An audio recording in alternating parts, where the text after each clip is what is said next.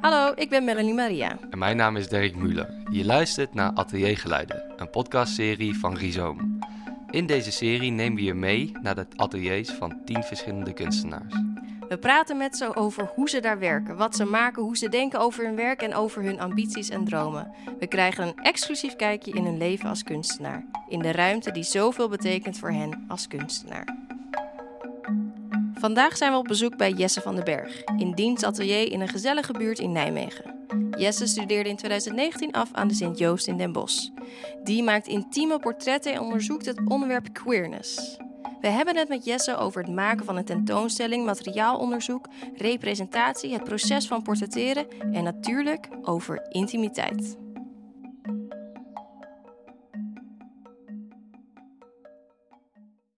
Nou, we zitten hier nu uh, met z'n allen zijn we aangeschoven aan de eettafel uh, bij Jesse. Um, en uh, Jesse, vertel waar bevinden we? In wie's huis is dit eigenlijk? en wie is Jesse nou eigenlijk? een beetje, heb je voor ons ook, voordat we beginnen met dit gesprek, een beetje achtergrondinformatie over, nou ja, eigenlijk alles wat je wil vertellen of niet? Um, wat heb je gestudeerd? Ja, dat soort dingen. Ja, sorry. We zitten hier met z'n vieren nu uh, in mijn moeders huis. Want ik heb hier mijn uh, ateliertje. Um, sinds twee jaar ongeveer. Um, en ik, heb, ik, ben ik ben kleine twee jaar geleden afgestudeerd van uh, de master op St. Joost in een bos. master Institute of Visual Cultures. Um, daar heb ik mijn master gedaan. En dat was twee jaar. En toen heb ik daarvoor nog een jaartje tussenjaar gedaan. En daarvoor mijn bachelor communicatie multimedia design gedaan. Um, en ja, ik merkte, ik vond CMD een hele leuke opleiding. Maar ik merkte dat ik heel erg soort van mijn een plek miste waar ik mijn autonome stem kwijt kon. Want hoe, meer, hoe lang ik daar studeerde, hoe meer ik behoefte had aan niet-commerciële dingen doen, wat school wel een beetje vroeg. Dus ik wil heel graag nog een soort van een verdiepende laag zoeken in, in, in een master op de kunstacademie. En um, ja, toen ben ik daar vooral eigenlijk gaan richten op uh, um, het representeren of representatie van queer personen. En... Als fotograaf, hè? Ja, dat vind ik nog complex. Oh, of dat echt als fotograaf is. Ik noem mezelf een soort van kunstenaar slash fotograaf, maar um, ja. Fotografie is Fotografie is, sorry, fotografie is als een van main medium en dan vooral analoge fotografie.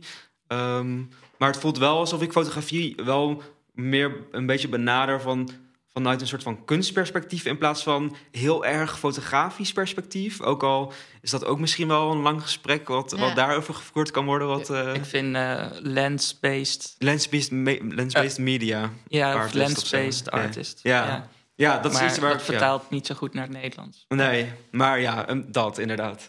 Um, en ik ben over een week 26 trouwens. Wauw, alvast uh, oh, ja, dat, ja, zoals zag ik op Facebook. Zo, oh, ja? ik zag het echt voorbij komen. Ja. En ik woon in Nijmegen al mijn hele leven. Want ik heb alleen in, in Den Bosch gestudeerd, mijn bachelor en mijn master.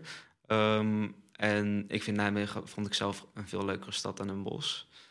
Um, en, heb je altijd hier gewoond, in dit huis waar we ons nu bevinden? En nu nee, ik ben geboren in Bottendaal en op... Wat is er? Nee, wij zijn net al dat hij hier twee jaar, dat zijn moeder hier twee jaar woonde. Nee, nee, nee. Oh, ik heb het atelier hier oh, atelier, twee jaar. Sorry, ja, sorry, sorry, sorry, sorry. oh, nu zeg ik duizend keer sorry. nu wordt het helemaal wild. Ik, ik, woon in dit huis denk ik ongeveer sinds mijn veertiende tot mijn achttiende. Uh, daarvoor in Bottendaal gewoond, maar toen mijn ouders uit elkaar gingen, ging mijn moeder hier wonen. Um, en toen ging ik om mijn achttiende uit huis. Um, maar ik woon hier zo dichtbij, dus ik ben hier sowieso nog wekelijks. Ook ja. gewoon buiten uh, atelier werken om. Maar ik, ik, ik, eet sowieso één keer in de week bij mijn moeder. En we wandelen ook wel vaak en zo. Is je moeder wel eens... Uh, ja, sorry. Bij, heb je moeder wel eens gefotografeerd? Um, ja, maar dat was meer dat we. Uh, ja, zo. Weer de vraag trouwens.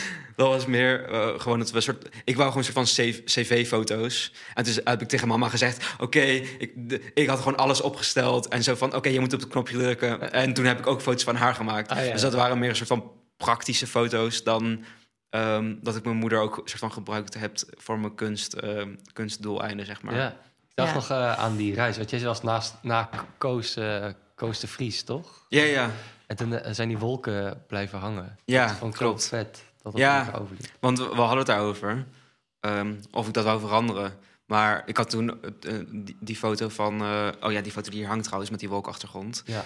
Ehm, die wou ik toen graag gebruiken voor een expo. En toen was dat ook de, eerst, de eerste ronde kans om dat te doen. En toen was het zo van, ja, dan laten we die wolken sowieso... Laten we sowieso, eh, hoe zeg je dat, hangen? Ja, zitten Eh, gewoon. zitten, ja, aan de muur.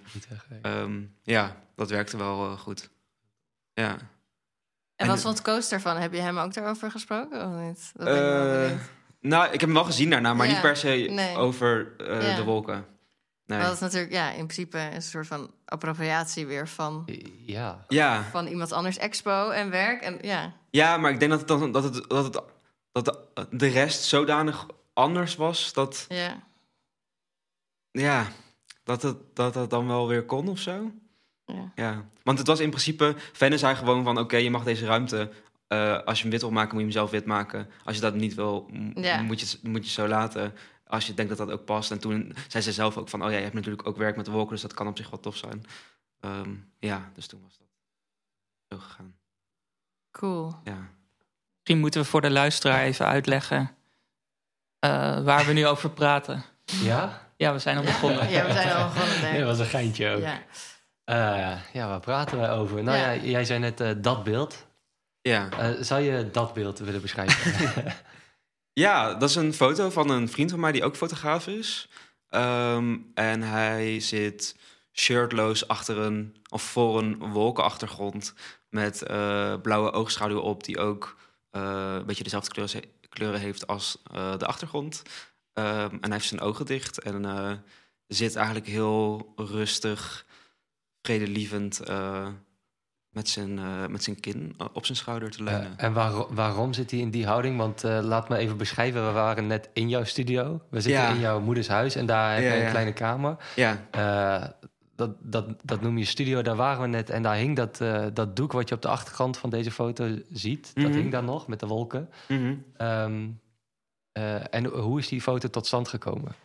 Ehm, ja, eigenlijk verschilt dat per persoon per keer heel erg hoe dat tot stand komt. In dit geval, eh, omdat we allebei fotograaf waren en we kenden elkaar al best wel lang via Insta alleen. Ehm, en toen eh, wouden we gewoon graag elkaar fotograferen. En toen was het gewoon een beetje van, oh, ik heb misschien dit en dit en ik heb dit en dit. En wat zou jij leuk vinden om eh, bij de foto's van jou eh, te hebben en, en eh, vice versa. Ehm, ja, dat ging een beetje organisch. Dus ik zei gewoon, oh, ik heb deze doeken, welke zou je tof vinden? Oh, die wolk is nice. En toen had ik ook oogschaduw wat ik een keer wou gebruiken bij hem. Ehm, ja, beetje zo. Ik, ik ben niet heel, ik ben niet, in mijn foto's ben ik niet heel erg de, hoe zeg je dat? Eh, degene die alles bepaalt, zeg maar. Ik zeg niet van, oh, ik wil dit en ik wil het zo en ik wil dat je zo kijkt. Ehm, ik laat het altijd best wel bij het model of gewoon bij het moment of door het gesprek of zo ontstaan. Ehm, dus eh, ja. Het is een hele lieve, zeg maar, ik vind het een hele serene foto, maar ook heel lieflijk of zo. Was er dan gewoon een hele lieve, rustige sfeer? Ja, hoe Kan je zeker. die sfeer omschrijven? Ja, hij is gewoon een van de eh, liefste personen die ik ken. Hij is gewoon zo'n zacht, lief persoon, ja. ja. Dus de sfeer was ook gewoon heel lief. gemoedelijk. Ja, ja zeker. En het was gewoon heel leuk omdat we elkaar al zo lang, of al, ik denk misschien een aantal jaar, ehm, alleen online kenden dan. En om dan voor de eerste keer met je elkaar te zien en dan elkaar meteen te fotograferen. En dit was gelijk de allereerste keer dat jullie voor elkaar... Ja, ja. En dus dat Wauw. was zo, en het is sowieso best intiem of zo elkaar fotograferen, of in ieder geval sowieso fotograferen, al helemaal elkaar dan in dit geval. Ehm, En naakt, ik, ik weet niet of er verder... eh, Nee, ja, of in dit was, geval, ja, maar in ieder geval ontbloot, shirtloos. Dat is ja. sowieso ook alweer een stukje intiemer dan Ja. eh, met kleren aan, inderdaad. Zorg je Ja. dan, want ja, dat is best wel spannend. Is er dan, is dat die sfeer er gewoon, of zorg je voor, of samen wellicht voor een bepaald vertrouwen of gevoel? Of Ehm, hoe komt het dat dat, dat het shirt uit niet zo'n ding is, bijvoorbeeld? Of zo? Vraag ik denk sowieso omdat we elkaars werk kennen, Mhm. dus dan ook al een beeld hebben van eh, diegene's positie in soort van thema's waar we allebei mee werken. En ook de manier hoe we mensen fotograferen. Ehm, en ook, ik- hoe zeg je dat? Ehm, voordat ik mensen fotografeer, zeg ik altijd dat zij in principe gewoon de baas zijn over de beelden. Eh, dus als, als iemand tegen mij zegt, ik wil dat je geen enkele foto gebruikt en dat je alles verwijdert, dan zou ik dat doen. Of al zegt hij over twee jaar van, hey, ik wil dat je die foto niet meer gebruikt voor iets, dan zal ik dat doen. Dus is het model dan de regisseur wellicht van de foto? Of, Ja, of niet- waar, misschien waar, niet- zit dan, waar zit dan Jesse, zeg maar? Je, ma je maakt natuurlijk ook zelf keuzes in hoe je fotografeert. Ja, maar ik, denk- ik heb het idee dat dat al een soort van. ehm, doordat ik nu al een tijdje werk maak, Mhm. voordat ik met, met mensen een fotoshoot doe bijvoorbeeld, dan zien ze al eh, eh, een beetje waar ik mee bezig ben. Ja, Dus ik denk dat er wel al, al bijna iets een beetje vast ligt. Dat het, allemaal, dat het altijd best wel eh, eh, een soort van in, intieme fotografie is, ja. denk ik. Ehm, en ja, waar zit een stukje yes? Dat vind, ik best wel, dat vind ik best wel een goede vraag, omdat ik het stukje yes misschien niet zodanig... Of tenminste, ik denk dat dat heel erg samengaat met, eh, met elk model. Mhm. Eh, in die zin. Dus ik denk dat ehm, ik heel veel stukjes in me heb en dat sommige stukjes in combinatie met sommige modellen eh, zeg maar tot uiting komen en met andere modellen weer helemaal niet. ja, Dus het is een beetje welk stukje van mij past bij Ja. het model. ja. En, en, en dan. En dat kies je in het moment. Of dat, dat, ja, keuze. ja, of ik, of ik vraag aan hun, eh, Ja. omdat ik ook best wel vaak lichamen fotografeer, vraag ik ook vaak aan hun van wat zijn bepaalde eh, stukken van jouw lichaam of van jouw gezicht of dergelijke, waar jij bijvoorbeeld heel fijn bij voelt of waar je heel trots op bent.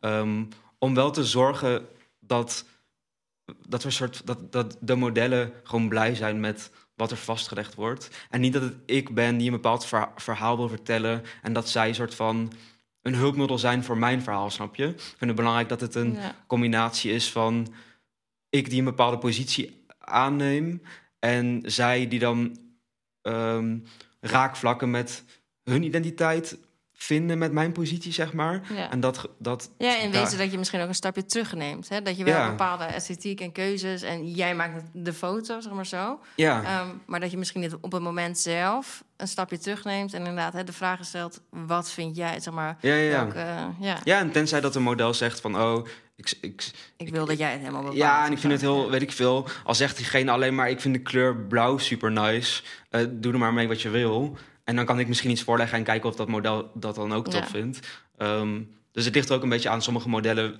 wi- willen soort, zouden willen soort van meer eh, in de hand hebben. En sommige modellen vinden het helemaal, die zeggen dan gewoon van, oh, eh, doe jij maar waar jij denkt dat je eh, behoefte aan hebt. En dan, en dan kijken we wel eventjes Ja. hoe en wat.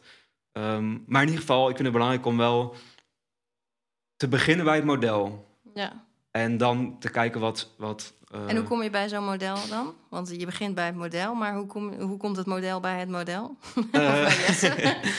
Ehm, ja, dat is best wel veranderd in de zin... Toen ik begon met werk maken, benaderde ik mensen puur uit... eh, dat ik dacht van, oh, wat... wat of, hoe zeg je dat? Ik denk voordat ik met mijn kunst begon... en mijn, en mijn kunst eh, gaat, gaat heel erg soort van samen met mijn queer zijn... En ehm, ik had veel... eh, Ik had, heel, ik had best wel relatief weinig queer vrienden, denk ik. En ehm, een, gewoon een best wel niet-queer omgeving. Ehm, en toen ik mijn master ging doen en dus merkte dat ik erg behoefte had om kunst te gaan maken over, over queer representatie. eh, toen ging ik doelbewust queer personen vragen, eh, vooral online. En dat, ja, dat was eigenlijk voornamelijk via, via Insta dan.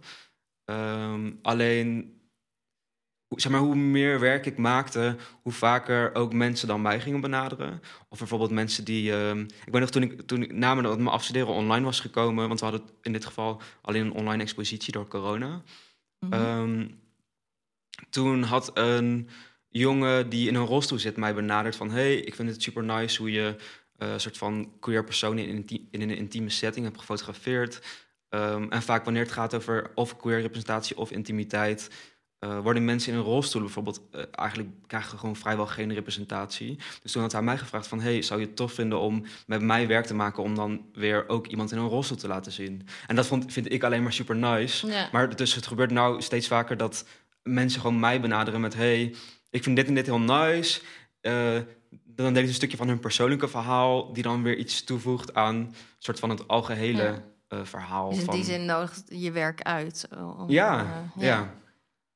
Dus ja, het is interessant, zeg maar, want zeg maar, dat gevoel, hè, wat, wat we net omschreven van de foto die we hier Mhm. zien. We zitten aan eh, de eettafel in het huis van je moeder, waar Ja, ja. dat, die foto ook heel mooi bijna religieus aan de muur zo boven de eettafel Ja, hangt. Ehm, en wat ik zei, ja, ik vind het een hele serene, maar lieflijke sfeer. Dus dat die sfeer dus ook echt hè, naar buiten komt. In die zin dat mensen zich uitgenodigd of geroepen Mhm. voelen eh, om jou te benaderen weer van hé, hey, ik wil me ook zo voelen. Of Mm. is dat dan ook de vraag? Wil je mij dan portretteren dat ik om mij zo te voelen? Of wat, waar, Nee, niet per se. Meer dat mensen het gewoon heel belangrijk vinden dat ehm, allerlei verschillende verhalen of allerlei verschillende eh, perspectieven of, of lichamen of, of, of weet ik veel wat, eh, dat die allemaal representatie krijgen. Dus het is vaak dat misschien mensen een bepaald stukje verhaal hebben ehm, en het belangrijk vinden ook voor andere mensen om daar zichtbaarheid aan te geven. Ja.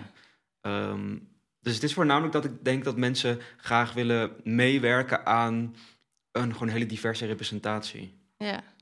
En, ehm, maar het lijkt me ook wel lastig. Sorry trouwens, Dirk is hier eigenlijk ook nog aan tafel. Ik ben er nog. Ja.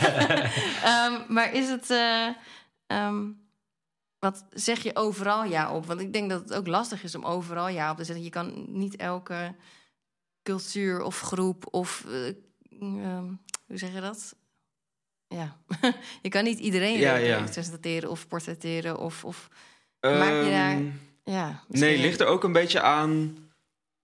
Ligt er een beetje aan. Ja. Eh, sommige, sommige soort van aanvragen zijn ook meer.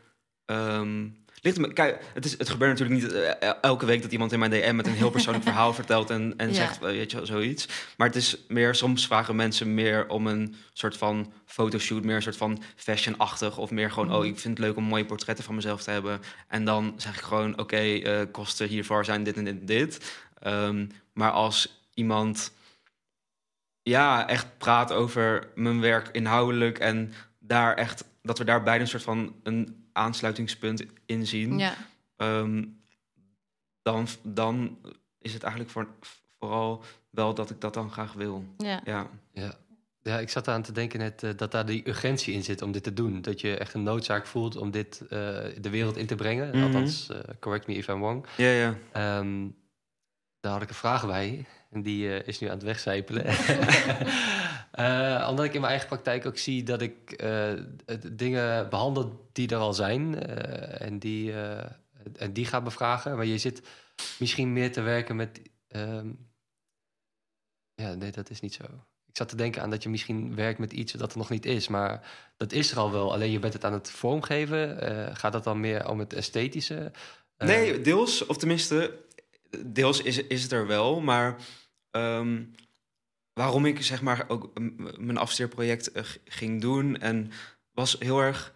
ehm, er, er is natuurlijk een, s- een bepaalde representatie van queer personen bestaat al lang, maar ik merkte vo- voornamelijk wanneer het ging om intimiteit of seksualiteit, dat ik er een heel een- eenzijdig beeld van vond bestaan. En ook dat er een heel. eh, de, de manier hoe soort van intimiteit tussen queer personen ging, maar ook de manier hoe. of de lichamen die erin gerepresenteerd werden.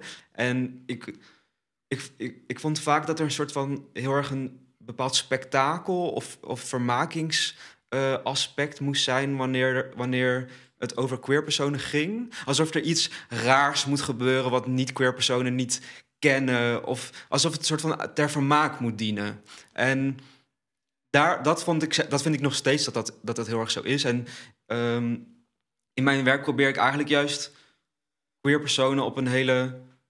op een manier te laten zien dat ze gewoon bestaan. Ja. En dat mis ik nog steeds best wel. Want ik vind in de media of films of series of dergelijke... er zijn echt wel ook wel eh, dingen die, het, die, het, die, die ik vind dat het al heel goed doen.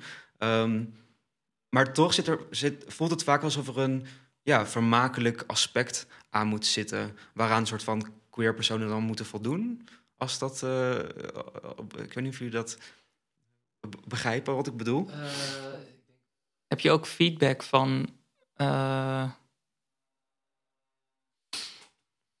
ja, de mensen waarmee je samenwerkt. Ik wilde zeggen modellen, maar misschien Mhm. is dat al niet meer het goede woord dan daarvoor. Ja, gebruik ik wel af en toe, maar dat vind Ja. dat vind ik, ja, het ligt ook een Ja. beetje aan wat je dan precies, wat dan precies de definitie van een model is eh, of zo. Ja. Maar ja, ik zeg gewoon vaak s- mensen waarmee ik samenwerk. Maar heb je van hen gehoord van hoe ze dat eh, of het voor hen iets betekent. Ja, dat ja, verschilt heel erg per persoon. Sommige mensen vinden het heel confronterend om zichzelf ook te zien, ook omdat het vaak van heel dichtbij is. Uh, en sommige mensen ja, kan het misschien heel erg emotioneren dat ze ook heel, heel erg trots op zichzelf zijn, bijvoorbeeld. Van, eh, om, om echt te zien hoe ze, hoe ze soort van eruit zien en daar ook heel blij mee zijn. Maar, eh, dus dat verschilt een beetje, ja, verschilt eigenlijk heel erg per persoon. Ehm, maar eigenlijk is het nooit voorgekomen dat, dat mensen tegen mij zeiden van... Hey, ge- gebruik, je mag niks gebruiken. Dus het is tot nu toe wel altijd zo gewoon ge- gegaan dat...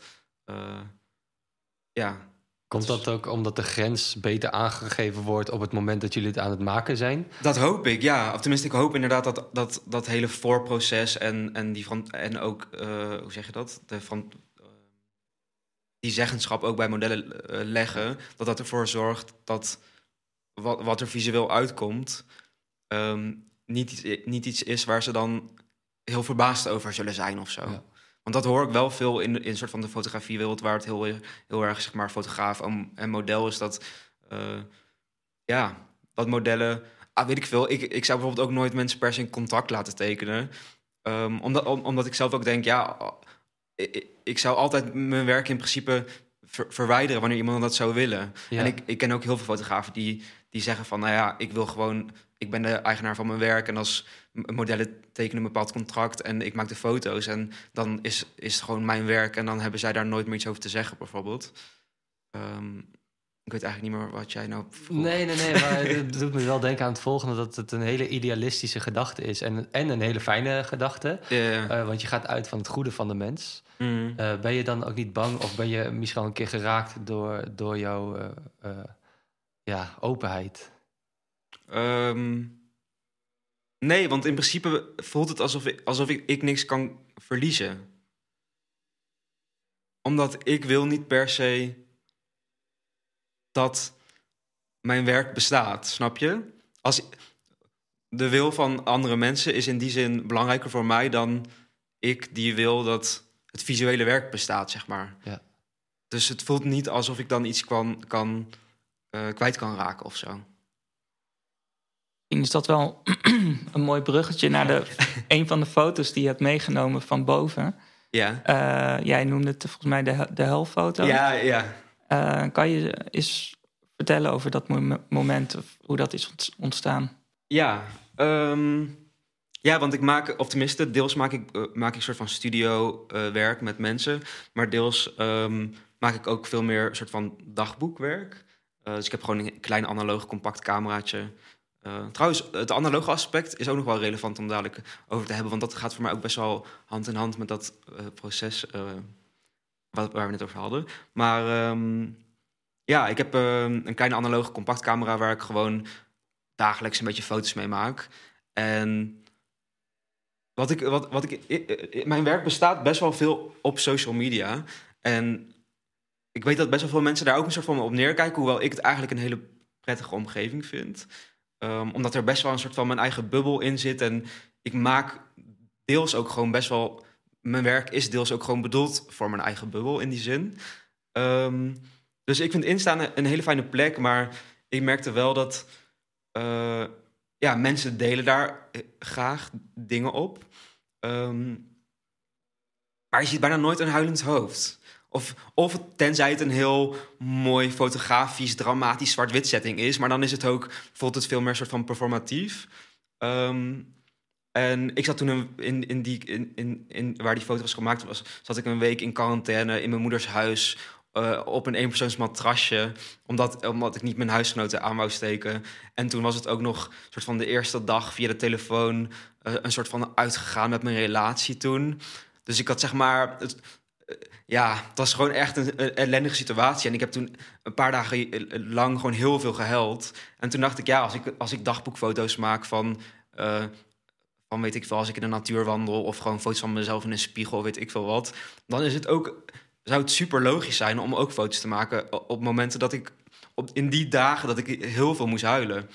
Ehm, dus dat vind ik in principe, ik, ik denk altijd best wel heel logisch en heel letterlijk na. Van, nou ja, als ik 10% dit doe en 10% dat doe, dan vind ik het eh, heel normaal om dat allemaal te delen.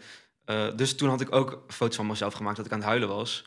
Ehm, Alleen toen- Ja, en je had het, je hebt het ook gedeeld. Met de wereld. precies. Nee, dat, was wel een belangrijk. ding. Want toen ik, toen ik die scans, eh, toen ik eh, mijn negatief aan het scannen was, toen dacht ik wel van, oh ja, ik voel, ik voel niet zo vaak ongemak met, met dingen delen, maar met die foto dacht ik toch van, ja, vond ik toch, dat was de- wel, daar heb ik wel het langst over nagedacht van, ja, eh, vind, ik- vind ik dit nou echt nodig dan om, om online te zetten?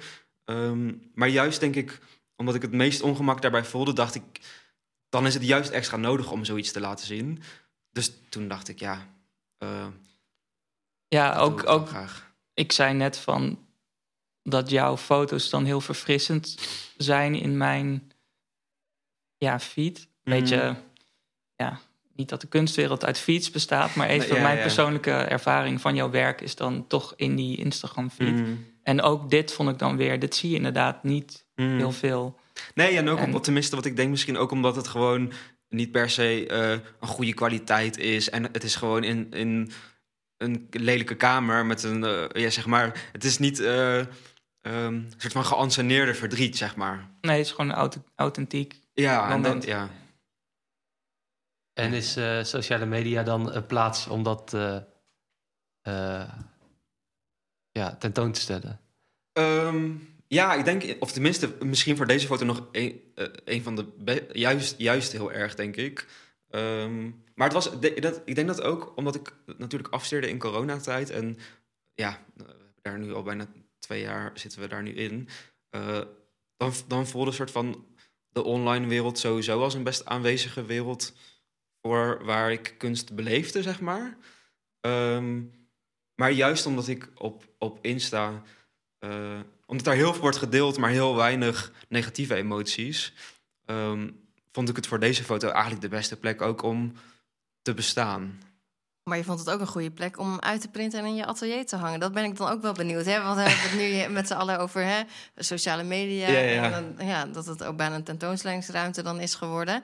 Ehm, maar hij ligt nu hier op tafel voor ons. Ja. Ehm, en je hebt hem ook, zeg maar, je vond het dusdanig belangrijk, of misschien, ja, weet ik niet, ehm, om hem uit te printen. En hij hing best wel pontificaal ook, zeg maar. Eigenlijk het eerste ding, eh, je loopt binnen en rechts keek ik en op de muur of de deur, of nou ja, Ja, hij ja. hing daar aan een spijker gespijkerd, ook van de, van de muur af, zeg maar. Dus niet tegen de muur aan. Ja, maar in mijn Eh. atelier zelf is, is, is in principe de, zijn de keuzes niet per se doordachte keuzes hoe dingen staan en zo. Ja, Maar ja maar toch. ja, Ja. ja. Maar, Is dat eh, om jezelf, of- of omdat je er trots op bent, om te triggeren? Of wat is, wat is de...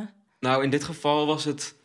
eh, ik had hem gebruikt voor een expositie in Tilburg bij Sea Foundation. Oké. Eh, daar was ik gevraagd om samen met Eva Spierenburg ehm, een tentoonstelling over empathie te maken. Ja. En daar hadden, ja, dus, dus zij hadden het, het concept of het woord empathie aan, soort van aan ons gegeven, zeg maar. En dan moesten Eva en ik daar samen ehm, eh, een tentoonstelling over maken.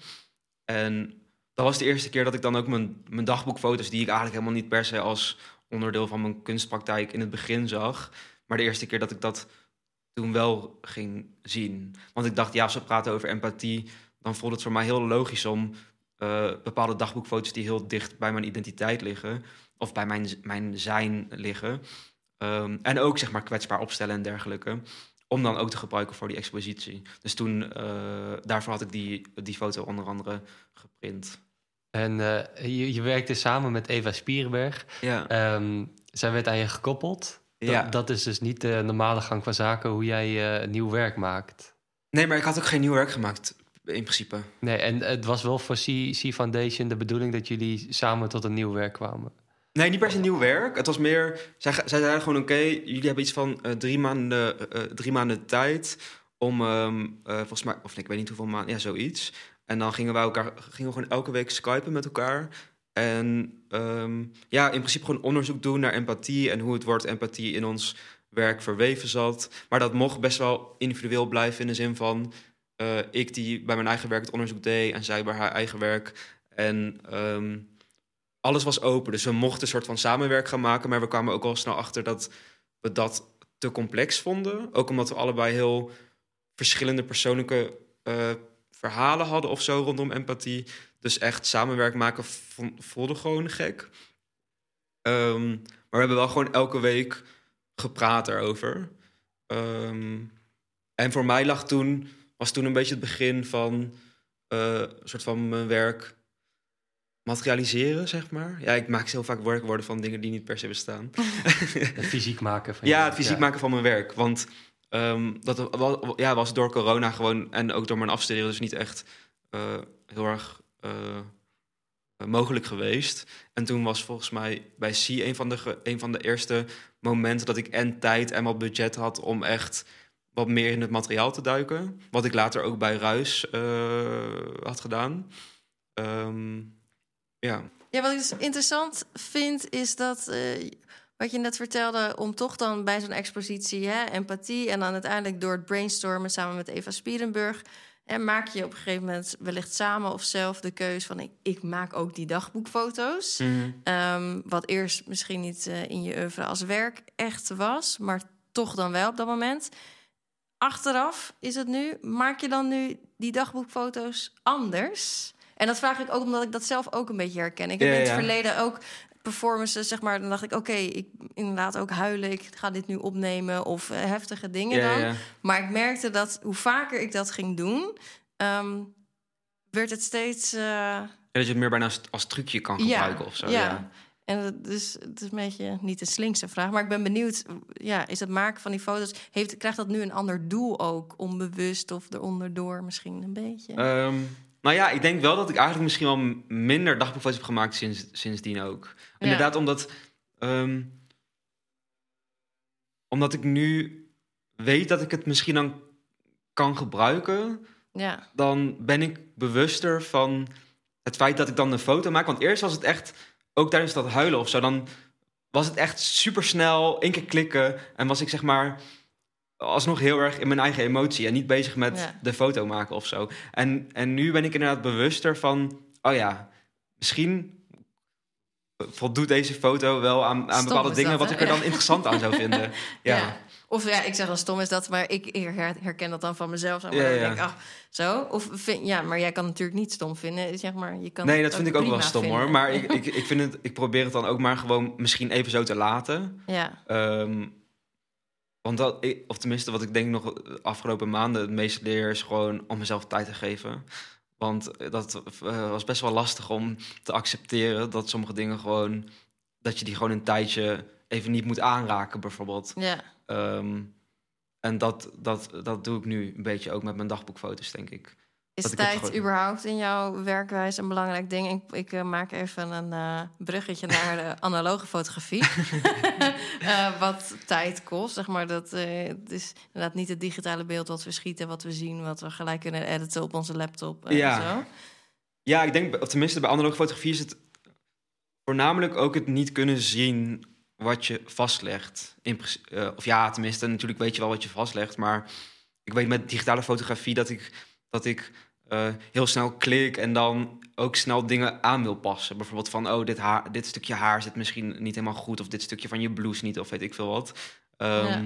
En met analoge fotografie vind ik het eh, gewoon super fijn dat we allebei ook niet kunnen zien. Ook, ook met degene waar ik samen mee werk, dat die niet meteen ziet hoe die eruit ziet op een camera, zeg maar. Ja. En dat ook je voor echt mijn- in dat moment blijft waar we ja, net eh, ja, ja, over precies. Dat, ja, en dat heeft, ook, dat heeft deels ook met een soort van tijd te maken. Maar ik vind het heel... Met analoge fotografie voelt het veel meer alsof je eh, bewuster bent van de ruimte waarin je bent. En ehm, gewoon door, meer doorgaat met gesprekken en wat meer... Ja, gewoon allebei gewoon eh, bestaat, zeg maar. Ja. En met digitale fotografie ben ik zoveel meer bezig met dat visuele eh, de output wat ik op mijn schermpje zie.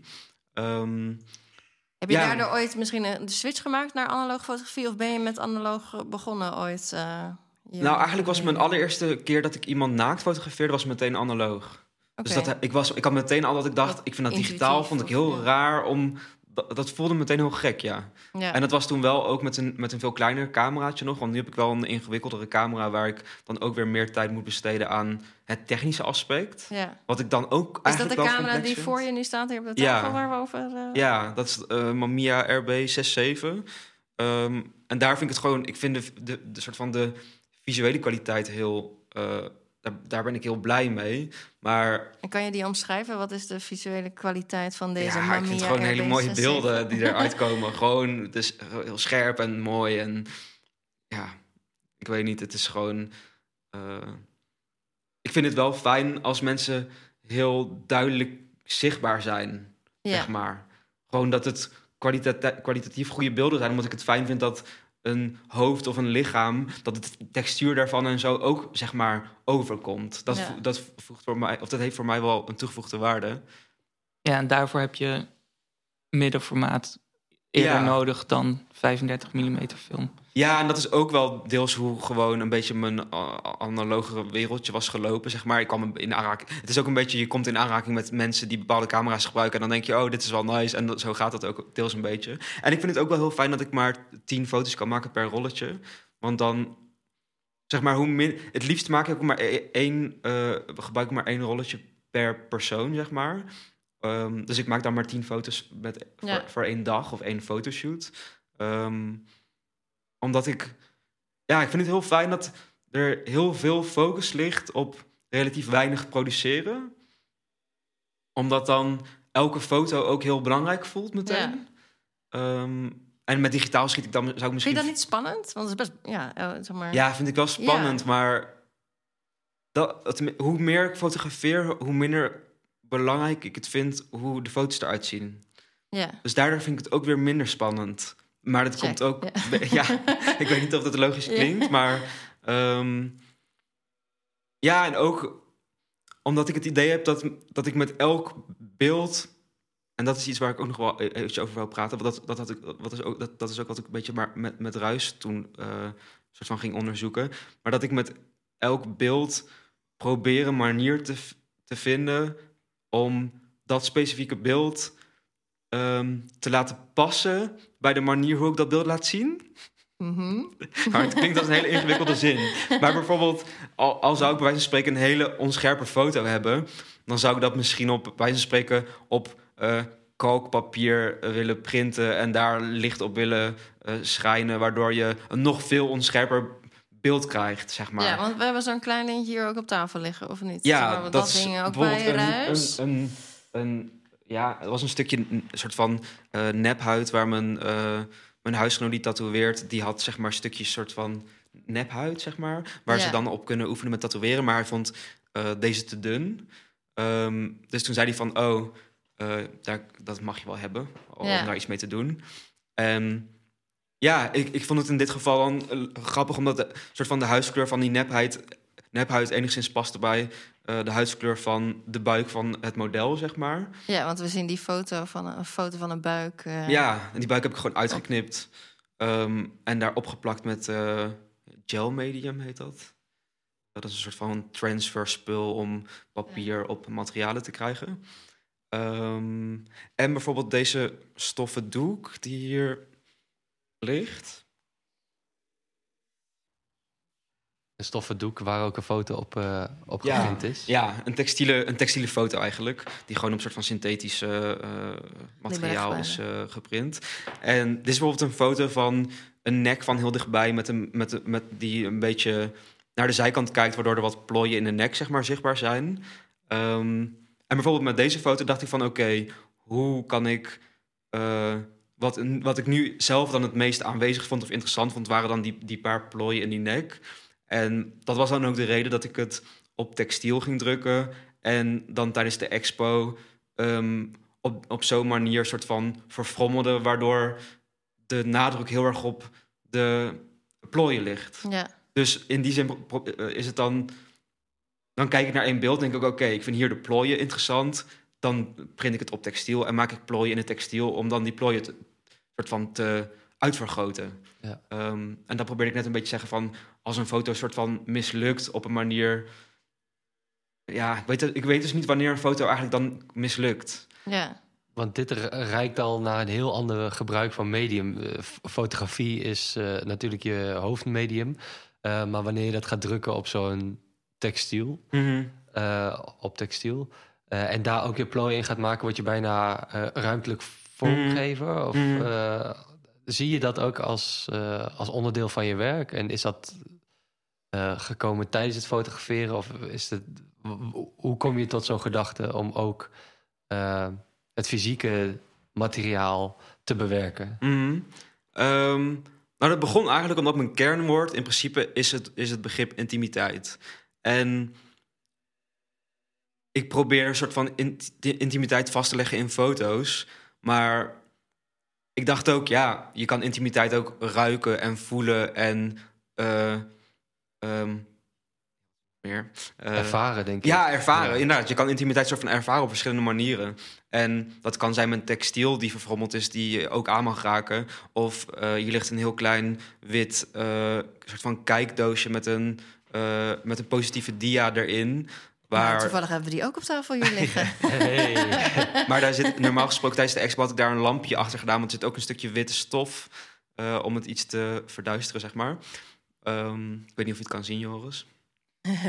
Nee, Eigenlijk moet je je flitser van je camera daar even... eh, eh, Van je Een telefoon. soort van je eh, telefoon. ehm, oh, ja, het moet iets, iets eh, feller licht hebben. Ja, dan denk ik. Oh ja. Maar het komt best Nu nauw zie ik het. hoe het beeld soort van. Ja, heel tof. komt. Ehm, maar in dit geval had ik dus een fotoshoot gedaan met iemand. ehm, en het waren gewoon foto's van iemand die, die in bed lag eigenlijk. Ehm, en die had ik per ongeluk op positieve film eh, ge- ge- gefotografeerd. ik wist helemaal niet dat ik dat had. Diafilm. Ja, op diafilm, ja. Want ik had gewoon een film gekregen van de vriend van mijn moeder. Die had het allemaal nog van vroeger over. Ehm, en toen wou ik, die, wou ik dat rolletje ontwikkelen. En toen zei hij zo van... Oh ja, wij, wij, wij, eh, wij eh, ontwikkelen geen diafilm. En ik zo... "Wa- ik- wa- Wat is diafilm?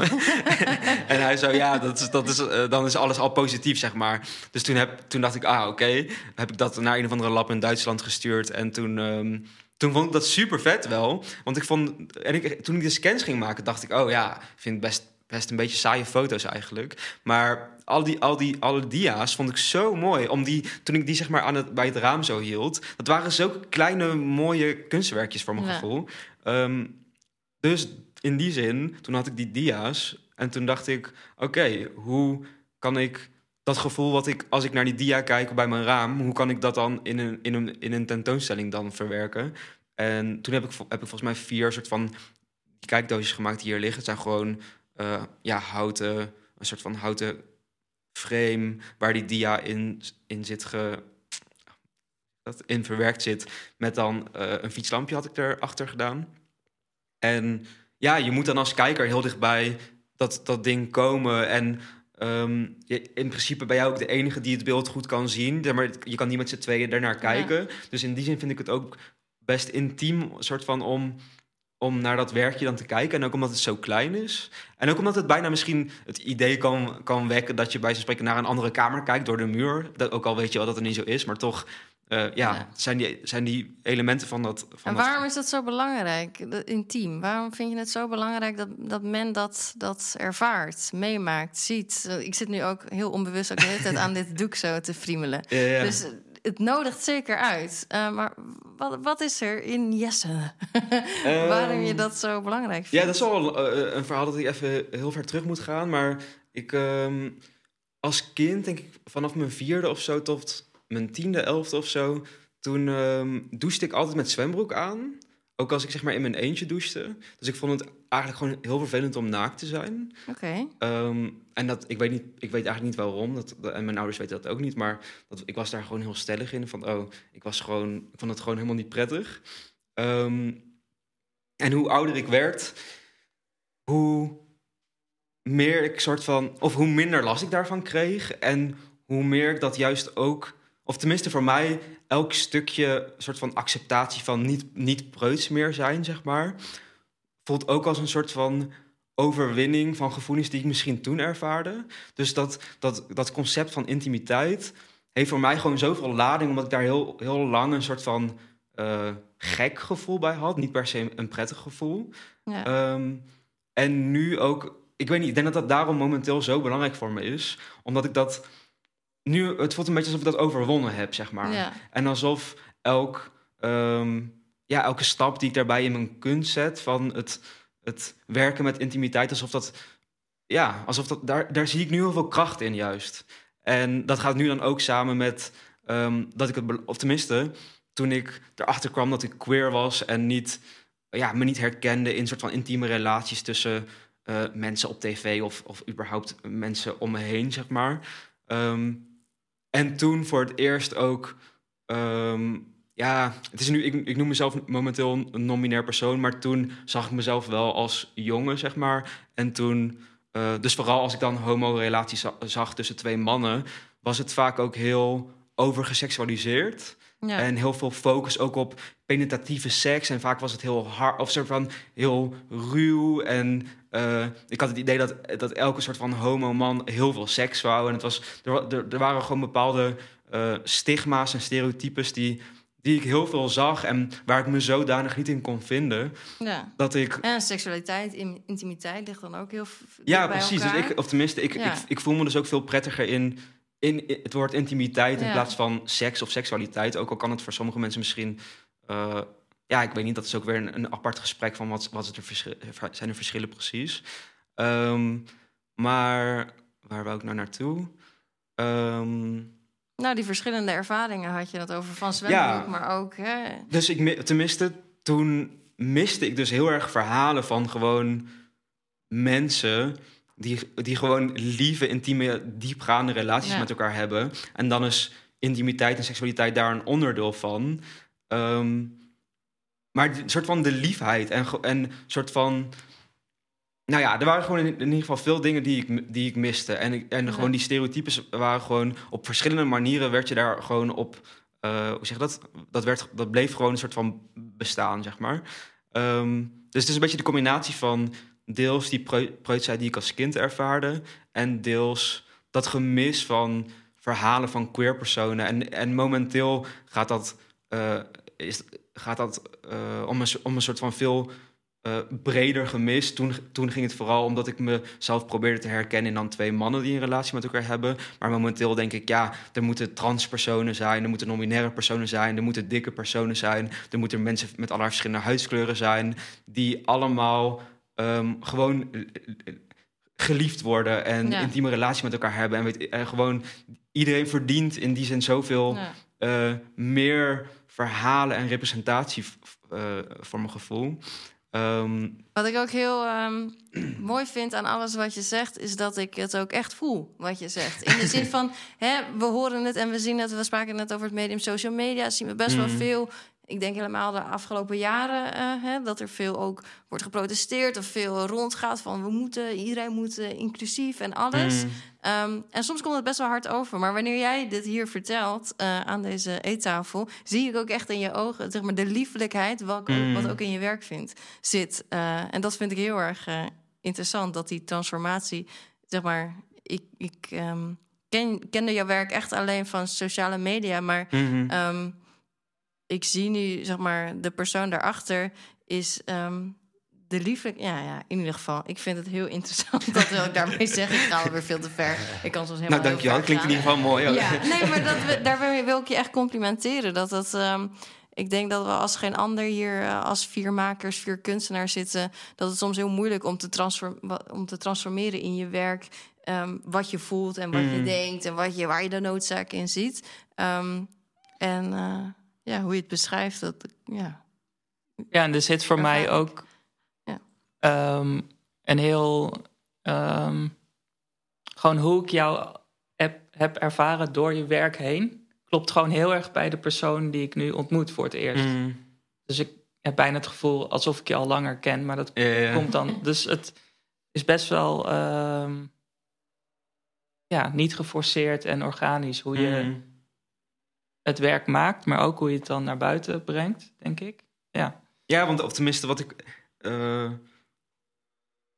het kan ook vooral het thema diversiteit is bijvoorbeeld iets wat ook heel erg in, in, kan, ingezet kan worden als een soort van eh, commercieel interessant Marketing, ding. Ja, als reclame, marketing. waar we het over Ja. hadden. Ja. En ik kan me voorstellen dat dat misschien eh, ook dan door, weet ik veel, als kunstenaars zich- daarmee bezighouden, dat dat ook gelezen kan worden als iets wat zo van, oh, dat, dat is nu logisch om daar bezig, bezig te zijn, Ja. want dat is een soort van hip of zo. Ehm, maar nee, dat, of tenminste, ik, ik weet ook niet of dat iets is waar. Ah ja. Nee, zo kom je ook Ja. niet over. Maar dat, dat is zeg maar eh, dus interessant dat je er zo niet Ja. overkomt. Ja, Ja, ja. ja, het klopt eh, wat je zegt. Ja, ik weet niet of dit helemaal aansluit bij hetgeen waar we het net over hadden. Maar ik denk altijd na over.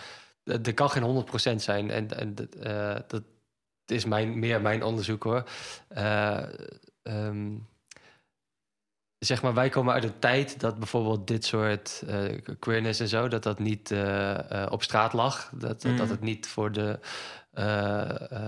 dagelijks zichtbaar is, bijvoorbeeld. Mm. Ehm, en waar jij bijvoorbeeld voor inzet, is dat dat meer publieke aandacht krijgt. Ehm, en er zijn ook dingen die in het verleden publieke aandacht hebben gekregen, die achteraf veel mensen pijn hebben gedaan, bijvoorbeeld. Uh, door het gemis bijvoorbeeld van. Uh, uh, ik weet niet of dat helemaal klopt, maar bijvoorbeeld meer queerness Mm. zou in jouw ogen, ja, mijn ogen ook hoor, beter zijn. Mm.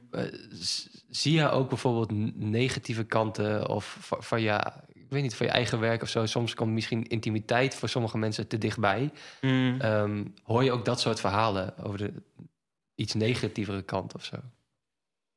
Um, over het algemeen vrij weinig, maar toevallig had ik vorige week ook met een gesprek met iemand die ook kunstenaar is en die ook heel veel werkt met queer lichamen, maar vooral uh, vanuit uh, hunzelf en dan meer performatief werk. Maar die vroeg aan mij van, hoe vind je het eigenlijk dat foto's soort van blijven bestaan?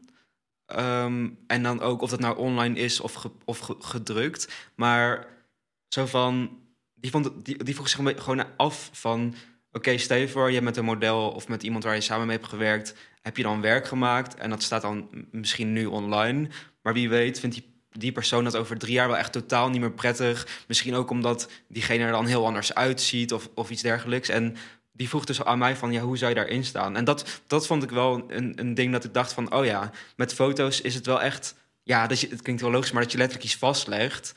Um, wat dan een, een beeld is wat blijft voortbestaan. Vooral wanneer het eigenlijk online is... of wanneer het misschien in de expo zichtbaar is... en, en mensen dat weer fotograferen of zo. Maar dat er wel een, verantwoordelijkheid ligt bij, bij mij... dan als degene die het soort van geproduceerd heeft of zo... Um, ja, en daar had ik niet meteen een antwoord op eigenlijk. Nee. Dus is het dan een ding wat op dit moment ook meer speelt in je hoofd? Of waar je over nadenkt? Um, nou ja, ik denk, je hebt natuurlijk ook gewoon niet altijd alles in, in, in handen. Dus deels denk ik, probeer ik al door um, um, die uh, soort van agency die ik bij de modellen leg. En, de, en ik, pro ik probeer me al best wel uh, op te stellen op een manier dat, dat modellen veel zeggenschap hebben. En op dit moment voelt het niet, of voelt fotografie nog steeds wel dan als een, als een passende manier. En um, ja, hoop ik gewoon heel erg dat iemand niet over drie jaar denkt van... oh shit, ik, ben, ik, vind het heel vervelend dat deze foto's bestaan. Dan zou ik er in ieder geval op dat moment alles aan doen... om ervoor zorgen dat die foto's verdwijnen. Maar dat ligt natuurlijk ook niet helemaal binnen mijn eigen macht. Maar dat is iets waar ik, ja, waar ik, nog, waar ik wel inderdaad nog, even, nog over nadacht. Maar nog niet per se op dit moment een duidelijke mening over heb. Want echt totaal niet fotograferen. Door die reden, dat lijkt me ook niet de beste manier. Want ook wat die, zei, die persoon zei is dat hij het wel ook juist heel belangrijk vindt... dat bepaalde lichamen of bepaalde mensen vastgelegd worden. Dus dat dat ook een beetje een tweestrijd is van... Ja, dat is natuurlijk ook weer een soort van... Sacrifice. Uh, ja, dus ja. het is lastig. En het is ook... Ik weet ook niet of ik als individu daar uh, alles in kan bepalen... of alles in kan, uh, in kan doen of tegen kan doen of zo. Wat ik denk, wat niet zo is, denk ik, ook door de neesgezinde hoofden. Ja. Um, maar ja, dat is wel iets over na te denken. Gewoon de ethiek binnen fotografie is, blijft gewoon een gesprek wat uh, gaande moet, moet zijn of zo. Ja. Um, ja, daarnaast is natuurlijk tijdgeest uh, ook een uh, behoorlijke factor. Als Mhm. in, je moet het ook Ja. gewoon doen om de tijdgeest te definiëren of zo.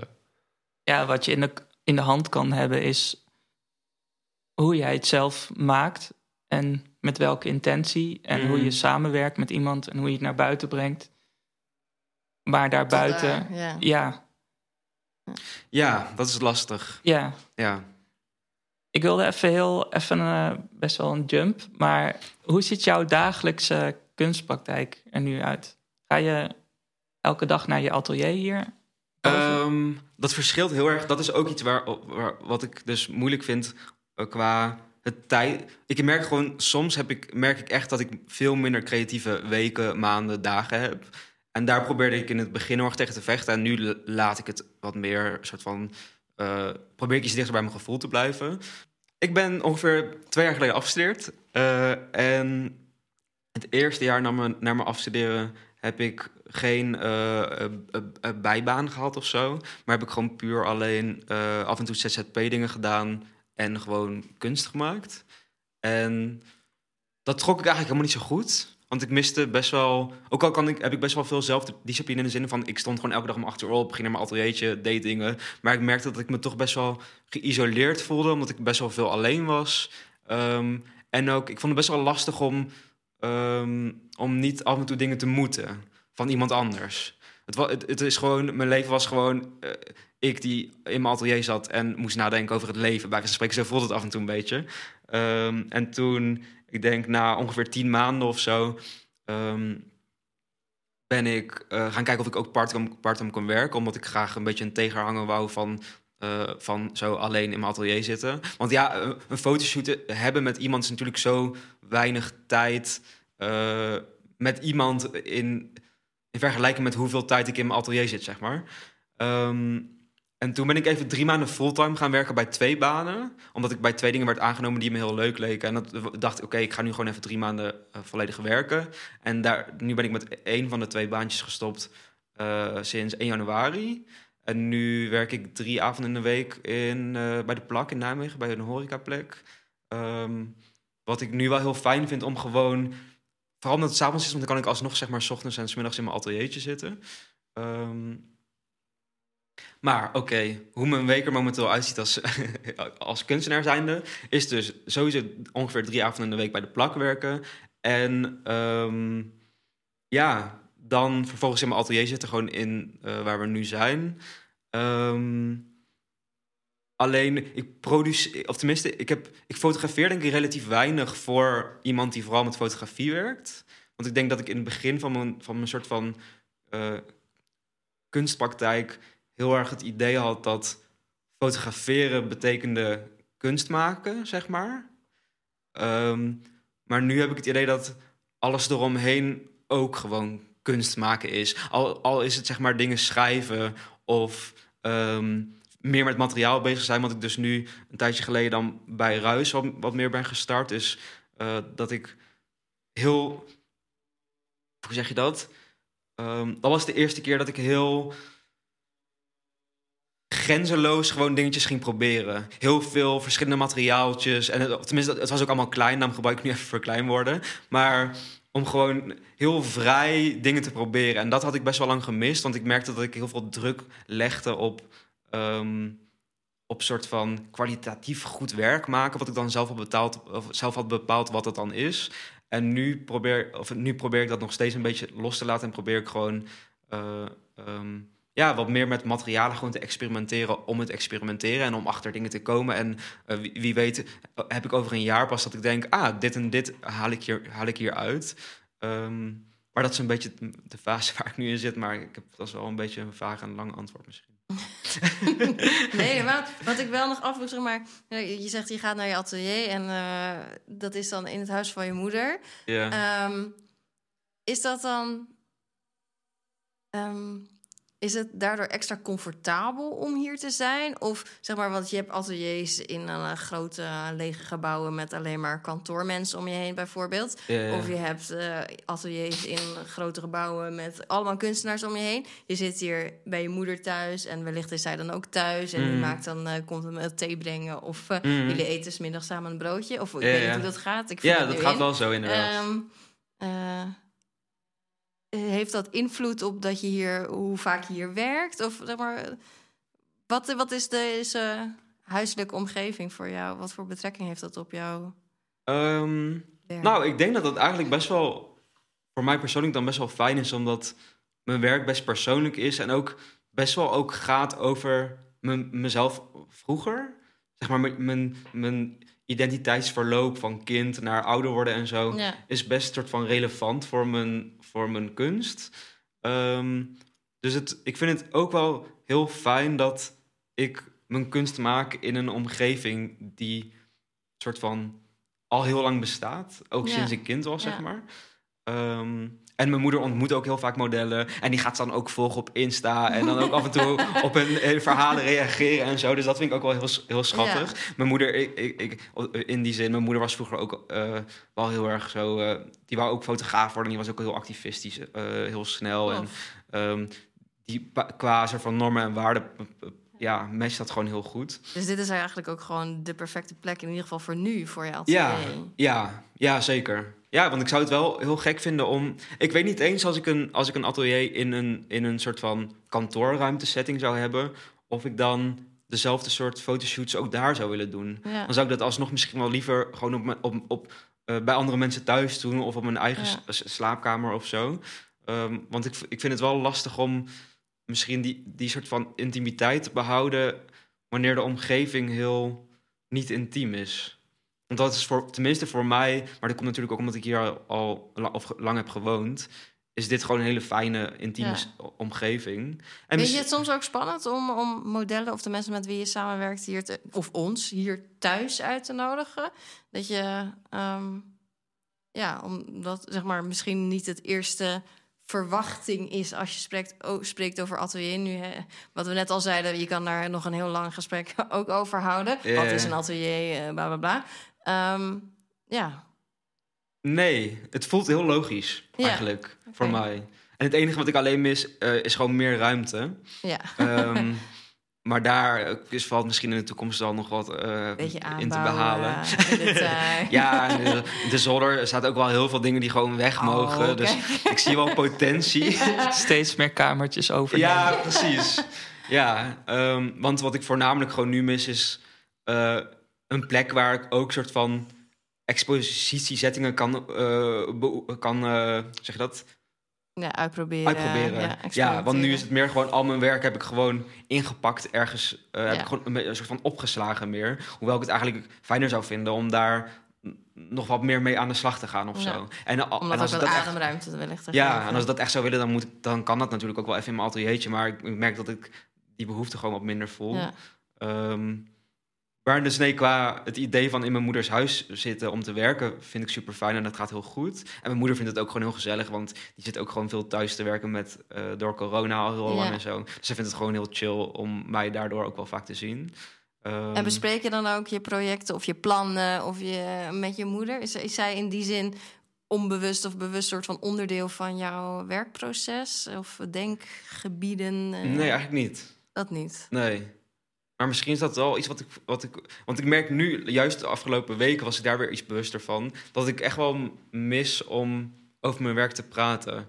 Met gewoon eh, andere kunstenaars. Zeg Ja. maar. En dan niet. Ik, ik doe wel inderdaad af en toe interviews of, of dergelijke. Maar dan is het meer ik die over mezelf eh, gewoon praat. Ja, Sorry, zeg dat zijn we nu ook. informatie ja. zenden, soort van. Ja, maar meer. Nee, ik, soms voelt het, voel ik me wel alsnog een beetje geïsoleerd. En dat is denk ik ook wel wat ik hier, als je, als je dan in, of in dit geval in mijn moeders huis zit. en niet in een eh, plek waar, ik met, me- waar je met meerdere kunstenaars een ruimte deelt. eh, dan heb je misschien sneller de mogelijkheid om gewoon bij elkaar binnen te lopen. En ja, ook een soort van. Maar ik vind, ja, ik vind het ook wel ingewikkeld. Wat, wat dan qua feedback geven. Ook omdat zo, sommige kunst zo persoonlijk is Ja. dan is het ook weer, weet ik, ja. Dus dat, ik weet niet, dat, ja. Ja. Dat horen wij heel veel terug van kunstenaars die een takeover hebben gedaan. Dat ze Mhm. dat best wel missen. Mhm. Maar inderdaad, je moet wel de juiste mensen hebben of vinden die eh, voor jou passen qua feedback. Die Ja, een beetje op dezelfde. ja, die jouw werk begrijpen. Op, Ja, ja, ja. eh, ja, en het zou wel kunnen, kunnen misschien van, oh, welke houtsoort eh, lijkt je handiger om te gebruiken voor dit bijvoorbeeld. Ja. Maar daar heb ik in principe niet, per, daar kan ik ook misschien aan een van, een van mijn ouders vragen of een vriend van me of zo. In plaats van dat ik, eh, dat ik, dat ik dat dan een, een, een atelier vol met kunstenaars nou zodanig belangrijk zou zijn Ja. om dat soort vragen zeg maar bij eh, te stellen. Jesse, dankjewel. Ja. Dankjewel voor dit heerlijke Ja. gesprek en veel, eh, veel Voor deze achtergrondinformatie. huiselijkheid met eh, lekkere kopjes thee, koffie en... eh, Ook. Ja. Ja, graag Bedankt gedaan voor je bedankt. intieme verhalen, zeker. En je intimiteit eh, van je werk. Bedankt. Sorry, mijn... mijn eh, ik heb Ja. geen zuurstof meer. Sorry. geen zuurstof meer. Geen dat is niet goed. ja. Was er nog iets wat je wellicht Ja, zelf wil er- toevoegen? Of, eh, Nee, ik je denk dat wel gemist. veel, eh, veel ja, we elementen... hebben dik een uur gepraat. ja. dus er genoeg info.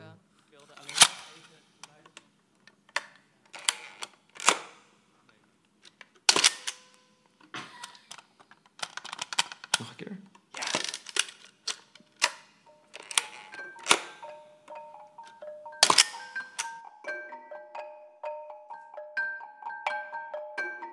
Je luisterde naar Ateliergeluiden, een podcast van Rhizoom. Deze podcast wordt mede mogelijk gemaakt door de ondersteuning van gemeente Arnhem.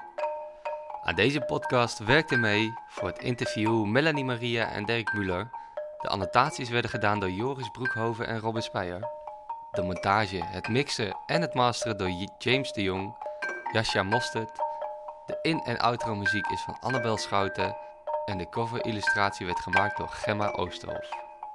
Voor meer informatie over Rhizoom ga je naar rhizoom.art. En als je deze podcast leuk vond, laat dan een beoordeling achter in je podcast-app.